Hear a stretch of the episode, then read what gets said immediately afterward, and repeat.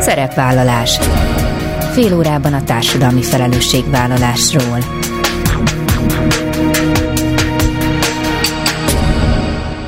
Jó napot kívánok! Bíró Bori köszönti Önöket! Adásainkban hétről hétre példákat hozunk arra, hogy egy-egy cég vagy intézmény, netán magánszemély, milyen formában, milyen eszközökkel járul hozzá anyagi gondok, társadalmi problémák orvoslásához, az életminőség javításához, a fenntartható fejlődéshez. Így módon is kifejezve, hogy felelősséget érez azért a környezetért, amelyben él és dolgozik. Szuhaj Mihályjal beszélgetünk a mai műsor első részében. Az informatika a látássérültekért alapítvány kuratóriumi elnökét azon apropóból kerestem meg, hogy éppen 20 évvel ezelőtt, 2003-ban adta át a szervezet első szoftveradományait. Azóta az alapítvány minden évben adományoz elsősorban képernyőolvasó és nagyító szoftvereket, felújított számítógépeket, laptopokat és digitális diktafonokat, headseteket juttatott el látásérült diákokhoz, felnőttekhez, valamint az őket oktató és segítő szervezetekhez. Az eltelt 20 évben az internet használat révén a számítógépek és mobiltelefonok átírták a mindennapokat, az alapítvány pedig elközben is azon dolgozik, hogy a vak és gyengénlátó emberek a digitális társadalom egyenrangú tagjai lehessenek. Az adás második felében Galambos Anitát, a Nők a Nőkért Egyesület, vagyis a NANE önkéntesét kérdezem, ugyanis a magyar piacon hiánypótló kiadványt jelentetnek meg. Az elsősorban bántalmazott anyáknak szóló önsegítő könyv kimondottan arra fókuszál, hogyan érinti a gyerekeket, ha tanúi lesznek anyjuk bántalmazásának, és hogyan lehet nekik segíteni, hogy megbírkozzanak a hosszú távú káros hatásokkal. Ezek a mai témáink, tartsanak velünk! Mai első beszélgető társam Szuhaj Mihály, az Informatika Látássérültekért Alapítvány kuratóriumi elnöke. Jó napot kívánok! Jó napot kívánok!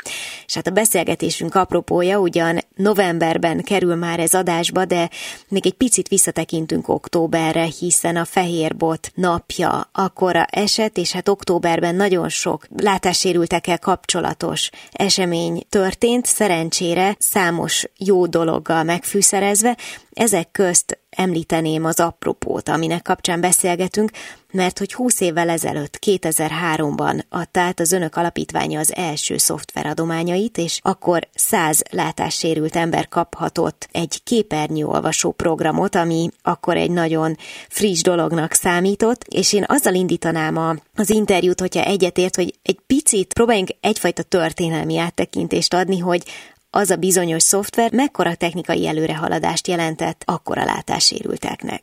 2003-ban még újdonságnak számított a vakemberek körében a Windows használat.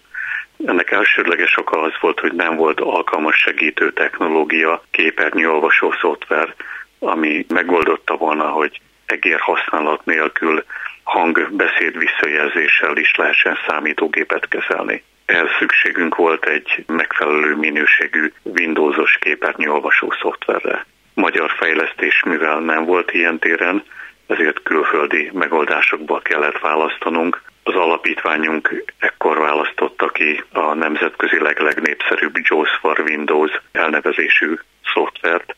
Készítettük el ennek a magyar verzióját, és adományoztuk először száz látássérült ember részére, aztán később már jóval többen is megkapták.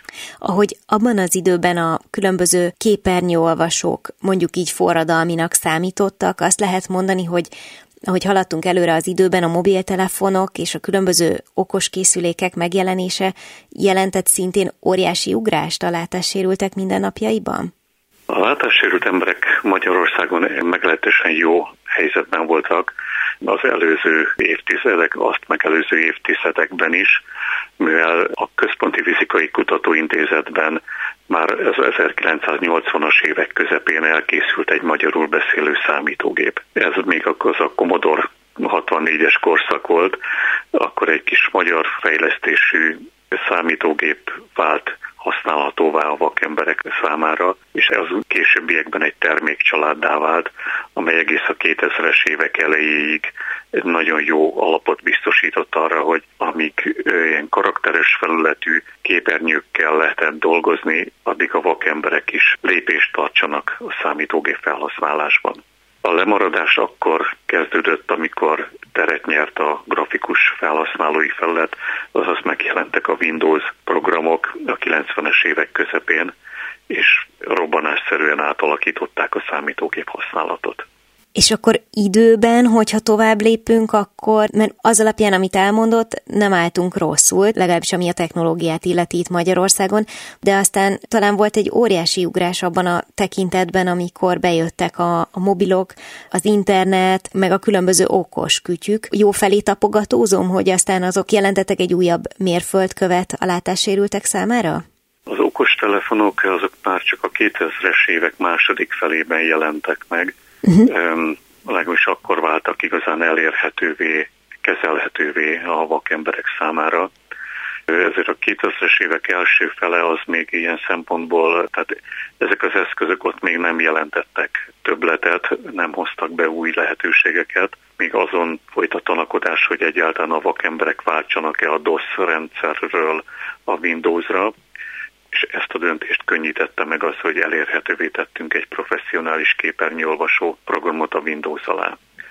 Aztán amikor megjelentek az első olyan okos telefonok, amelyek már saját operációs rendszerrel rendelkeztek, és azokban megjelentek a felolvasó programok, illetve részévé tették, az operációs rendszer részévé tették a képernyőolvasó funkciót, akkoriban kezdtek áthangolódni egy picit a látássérült emberek is, hogy nem csupán a számítógépet kezdték használni, hanem már az okos eszközöket is. Azonban ennek a technológiának is még azért végig kellett mennie egy fejlődési folyamaton, és talán inkább még már csak a 2010-es években érték el azt a fejlettségi szintet, ahol be tudott kapcsolódni a látássérült ember is a ezen eszközöknek a felhasználásába. Értem, na most ugye 2003 óta tulajdonképpen minden évben adományoz valamit az alapítvány. Hogyan változott az adományozott eszközök jellege és minősége az elmúlt húsz évben? Ezek a segítő technológiák folyamatosan fejlődnek, hiszen maguk azok a alaprendszerek, illetve szoftverek, szoftverkörnyezet, amelyeknek a kezelését, felolvasását lehetővé kell tenniük, ezek is állandó fejlődésben vannak. Itt, ahogy az informatika világában általában igaz, nincs megállás, folyamatosan jönnek ki az újabb és újabb verziók, és követniük kell a segítő technológiáknak is ezeknek a fejlődését.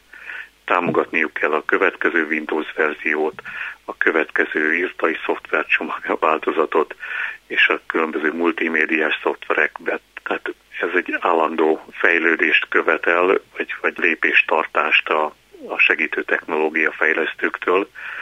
Mi, nekünk pedig az volt a dolgunk, hogy amiket elkészítettek az amerikai fejlesztők, azokat magyar nyelven is elérhetővé tegyük. Tehát a mi munkánk az ugyanolyan folyamatosságú volt ebben az elmúlt húsz évben, mint ahogy a szoftveres világ fejlődött együtt fejlődtek önök is a, a szoftveres világgal, és 2018-ban indult egy úgynevezett országlicensz program. Az miért volt nagy mérföldkő? 2003-tól 2018-ig az alapítvány, az informatika látási alapítvány önerőből adományozta a szoftvereket. Ezek a segítő technológiák nem ingyenesek alapvetően, kereskedelmi szoftverek, viszont Magyarországon ezt nehéz lett volna megfizetniük a látássérült embereknek. Ezért az alapítványunk nem csupán honosította a szoftvereket, a képernyőolvasó és képernyő nagyító megoldásokat, hanem adományozta is. Úgyhogy legelőször százat adtunk, utána évről évre egyre többet és többet. Körülbelül ezer licensznél átadott, ingyenesen átadott adomány szoftvernél tartottunk, amikor beláttuk, hogy az igények jobban nőnek, mint a mi anyagi lehetőségeink. Tehát szükség lenne egy olyan megoldásra, ahol nem az alapítvány bevételein, lehetőségein múlik, hogy egy látássérült ember hozzájut-e egy ilyen professzionális szoftverhez, segítő szoftverhez. Ekkor kerestük a lehetőséget arra, hogy hogyan lehetne egy összegben megváltva a magyarországi látássérült emberek részére ezt általánosan ingyenessé tenni. És akkor ebben a keresésünkben találtunk rá egy állami partnerre, ahol megértették ezt az igényt, és sikerült megállapodásra jutnunk egy országlicensz megvásárlása ügyében. Ez 2018 nyarára történt meg, onnantól kezdve, tehát így az elmúlt öt évben a szoftverek korlátlan számban érhetőek el, azaz ahány látássérült ember ezt igényli, annyian kaphatják meg a termék ingyenes licenszét. Ez nemzetközileg csak három országban adatik meg a látássérült felhasználók részére, Magyarország dobogós ebben a témában. Ez nagyon-nagyon jó hír. Laikusként gondolkodom úgy, hogy talán azért nem minden látássérült van képben, és tudja egyből megtanulni, használni egy-egy új szoftvernek a mikéntjét, vagy ha kezébe adnak egy új eszközt, akkor nem biztos, hogy azért egyből olyan könnyű megtanulnia, hogy ez hogyan működik, és hogy az alapítvány segít-e bármilyen formában, tehát tanfolyammal, akár tanácsadással, hogyha valaki elakad, vagy akár csak egy picit is segítségre szorul, akkor, akkor tud-e önökhöz fordulni? Már a legelső adományozás alkalmával felismertük, hogy szükség van arra, hogy a látásölt felhasználók megtanulják kezelni a segítő technológiát, majd ezen keresztül megtanulják kezelni a számítógépet. Tehát mindaddig, amíg maga a technológia nem ismert előttük, addig a egész rendszert nem fogják tudni megtanulni, a kezelését elsajátítani. Tehát szükség volt rá, hogy tanítsuk a felhasználóinkat, először a képernyőolvasó program kezelésére, majd ezt követően a operációs rendszer, szövegszerkesztés, táblázatkezelés, internet használat alapjaira. Ezekre tanfolyamokat indítottunk, bárki jelentkezhetett és ki vett rajta, az megkapta a szükséges információkat, és gyakorolhatta a kezelését ezeknek a szoftvereknek. Mivel beláttuk, hogy mi nem tudunk mindenkit fogadni egy-egy tanfolyamra, hiszen Budapesten működő civil szervezetként nem tudunk eljutni az ország különböző területeire, ezért oktatási anyagfejlesztésbe is belevágtunk. Ennek is már kb. 15 éve, hogy az elkészült az alapítvány első olyan oktatási anyaga, mely kifejezetten billentyűzet központúan ismerteti az egyes szoftverek kezelését. Mivel egy vakember nem használja a számítógépes egeret, hanem mindent billentyűzetről old meg, a vezérlést, az a egyes funkciók kiválasztását, bevitelt, tehát a teljes kezeléshez billentyű parancsokat veszünk igénybe. Ezeket meg kell tanulni, de aki egyszer megtanulta és használja, annak ez nagyon gyorsan a kezébe megy, és utána már nem kell gondolkodni rajta, hanem reflexből lehet ezeket lenyomni, és gyakorlatilag egy vak felhasználó szinte a látó emberrel azonos sebességgel tudja ilyenkor a számítógépet kezelni. Informatikai szempontból ma mi segíti a legtöbb vak és látássérült ember életét, vagy mi az, amit a legtöbben a leginkább használnak? Én úgy gondolom, hogy a, hát az egész számítógép használat, mobiltelefon használat, és az ez iránti kiemelt érdeklődése a látássérült embereknek, az arra az okra vezethető vissza, hogy egyfajta információészség van a látássérült emberek körében.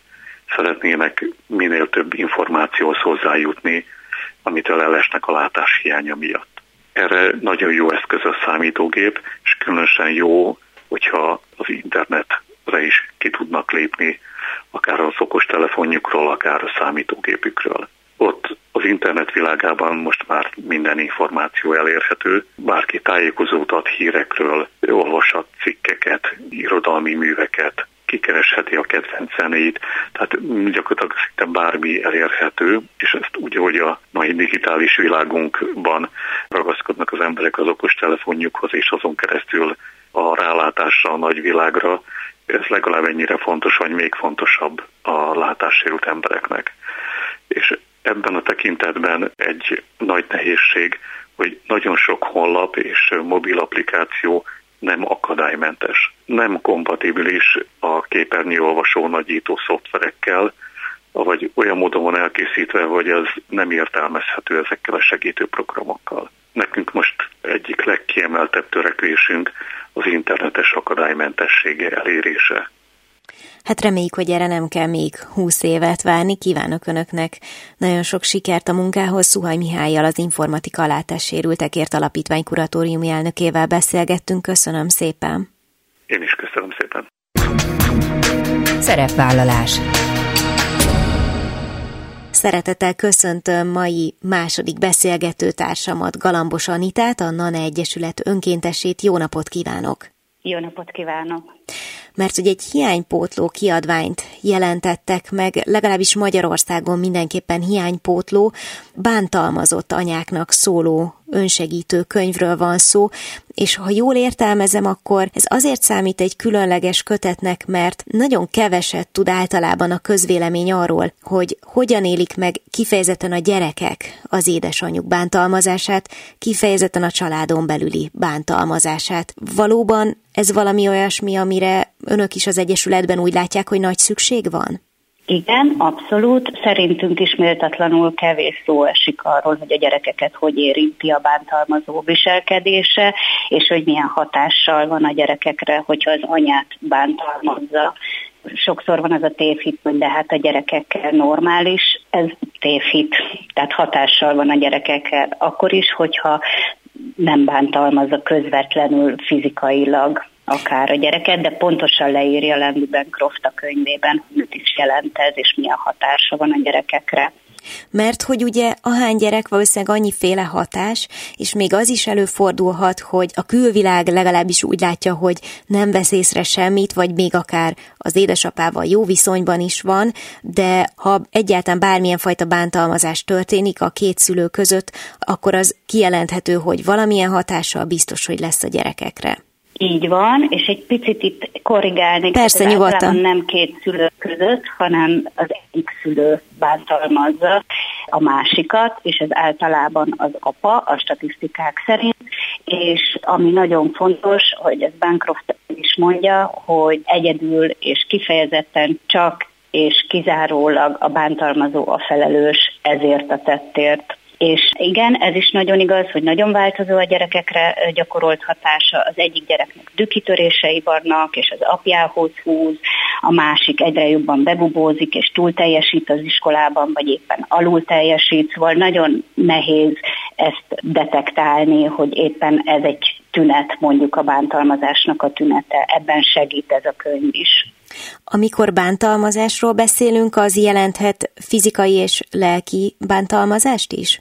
Többféle bántalmazást, igen, verbális, érzelmi, fizikai, egyébként a könyvben szó van a gyerekek ellen elkövetett szexuális visszaélésről is, úgyhogy az összes formáját gyakorlatilag felöleli a könyv. Kinek segíthet elsősorban ez a kötet? mert ott érzek egy pici nehézséget, hogy talán sok esetben pont azokhoz nem jut el, akiknek igazán szükségük van a támogatásra, a segítségnyújtásra, viszont ott vannak hál' Istennek a szakemberek, meg például az olyan civil szervezetek is, mint a NANE, ahol gondolom, hogy fontos, hogy azok, akik segítenek, ismerjék ezt az aspektusát is a bántalmazásnak. Igen, szerencsére Landy Bancroft erre is gondolt, tehát nem csak azoknak a nőknek szól, akik tartós bántalmazásnak vannak, vagy voltak kitéve partnerük által, és akiket aggaszt az, hogy hogyan hattak és hatottak a gyermekeikre az általuk látott vagy hallott események, hanem olyan aggódó barátnak, rokonnak, szakembernek, akiket nyugtalanít a mondjuk a gyerek sorsa, tehát látja, hogy valami nem stimmel, és nagyon pontosan leírja, hogy hogyan tud segíteni, és hogy tud a leghatékonyabban az anyának a támogató körének a tagjává válni, mert ez is egy nagyon fontos eleme annak, hogy a gyerek gyógyulás útjára lépjen az anya segítségével. Hogyha már érintettség, akkor gondolom, hogy nagyon nem mindegy az sem, hogy egy családon belül az ott élő gyereket milyen korban éri mindez a hatás. Igen, természetesen, de sajnos nincs igazából nagy különbség, hogy milyen traumát okoz a gyereknek, melyik hány éves korban, maximum a tünetek, és hogy milyen hosszan, inkább az sokkal fontosabb, hogy mennyire elhúzódó mondjuk ez a hatás, ami éri a gyereket talán az elmúlt időszakban azért szerencsére, szerencsére hát idézőjelben, de hogy egyre több szó esik a családon belüli bántalmazásról, legalábbis talán kevésbé takargatják a, az érintettek, és jobban merünk róla beszélni, a médiában is több szó esik róla, ami talán mind abban segít, hogy az érintettek előbb-utóbb még többen merjenek megjelenni és segítséget kérni, és aztán ne adj Isten mondjuk minél kevesebb ilyen eset re kerüljön egyáltalán sor. A nanéhoz forduló segítségkérők száma alapján egyébként mit lehet látni, hogy a családon belüli bántalmazások száma növekszik, stagnál, akár csökken Magyarországon, vagy egyszerűen most csak többet beszélünk róla, és az látszik jobban, szóval ilyen szempontból mik a tapasztalatok? 94 óta működtet a NANA Egyesület segélyvonalat, és gyakorlatilag az folyamatosan használatban van. Tehát az, hogy most ott megnövekedett volna a hívások száma, arról nem tudunk beszámolni, mert az ügyeleti idő az mindig ki van töltve, tehát nem tudjuk mérni, hogy mennyivel lett több a hívás, vagy nem. Viszont készültek statisztikák, amiről majd most fognak jövőre egy újat kiadni, de Magyarországon elérhet statisztikák szerint havonta legalább három nőt gyilkol meg a férje, vagy a volt férje, élettársa, vagy volt élettársa, barátja, vagy volt barátja, vagy alkalmi partnere, és a statisztikák szerint Magyarországon minden ötödik nő él, vagy élt már bántalmazó kapcsolatban, és ez csak a fizikai bántalmazás. Úgyhogy hát jelenleg ezekkel a statisztikákkal dolgozunk mi is. Nagyon nagy szükség lenne egy hazai felmérésre, de ezzel egyelőre nem nagyon foglalkoznak, hogy felmérik a hazai helyzetet, hogy hogyan is állunk azok alapján, amit önök látnak, hát nyilván nagyon jó, hogy létezik a NANA Egyesület, de azok, akiknek segítségre van szükségük, egyébként hova tudnak fordulni, vagy ki az, aki leginkább segít nekik Magyarországon? Hát ez egy elég nehéz kérdés, mert szóval nagyon kevés helyre tudnak fordulni a bántalmazott nők segítségért. A NANA Egyesület közel 30 éve nyújt segítséget, ugye a segélyvonallal, kiadványokkal, képzésekkel, és mellette a patent partner szervezetünk, a patent egyesületük jogi segítségnyújtást tudnak biztosítani a bántalmazott nőknek. Nagyon kevés nőszervezet van, aki hatékony segítséget tud nyújtani a bántalmazott nőknek, és ami az államilag finanszírozott, hát például az okit, ahova tudnak még fordulni, ahol védett házakat üzemeltetnek, és ha menekülni kell, akkor hozzájuk tudnak fordulni. De ahhoz képest ezért lenne jó például az isztambuli egyezmény ratifikálása, mert az nagyon pontosan meghatározza, hogy milyen segítségnyújtást kellene nyújtani az államnak, és milyen szervezeteket, milyen intézményeket kellene fenntartania, hogy el tudja látni az érintett nőket. Hát igen, ha jól tudom, már években, hosszú években számolható, hogy mióta nem sikerült Magyarországnak ezt az isztambuli egyezményt elfogadni. Igen, és erre a közeljövőben nincs is esély. Amiről még szerettem volna Anita kérdezni, hogy november 25-e és december 10-e között lesz egy úgynevezett 16 akciónap, amiről én korábban még nem hallottam, ez lehet, hogy a, a tudatlanságon, viszont úgy tudom, hogy az Egyesület számára nagyon fontos ez az időszak, de miért? Így van. A 16 akciónapot 1991 óta világszerte november 25-én a nők elleni erőszak felszámolásának világnapján, és december 10-e között az Emberi Jogok Világnapja között rendezik meg. És hát ezeknek a kampánynak a fő célja a nők elleni erőszak minden formájának felszámolása, és akkor tájékoztatást nyújt ezen időszak alatt erről a jelenségről, programokkal, színházi előadások, kerekasztal beszélgetések, most nekünk majd ez idő alatt lesz a könyvbemutató, de nekünk, a NAN Egyesületnek minden évben a november 25-e az egy nagyon-nagyon fontos dátum, ugyanis azon a napon a Néma tanúk esemény keretében emlékezünk meg az adott évben meggyilkolt, párkapcsolati erőszakban meggyilkolt nők emlékére. Galambos Anitával, a NAN Egyesület önkéntesével beszélgettünk, az apropónk elsősorban egy új kiadvány, ami bántalmazott anyáknak szóló önsegítő könyv, és ami kifejezetten arról szól, hogy hogyan élik meg a gyerekek az édesanyjuk bántalmazását. Köszönöm szépen, hogy mesélt erről is, és tudtunk egy picit másról is beszélgetni, és kívánok a, az Egyesület munkájához kitartást és sok sikert a jövőben is. Én is nagyon szépen köszönöm a lehetőséget, és minden jót köszönjük szépen.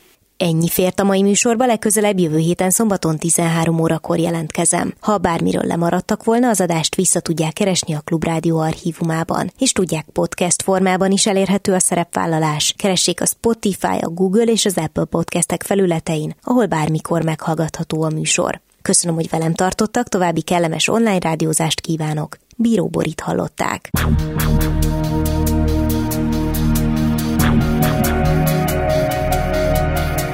A Szerepvállalás című műsorunkat hallották.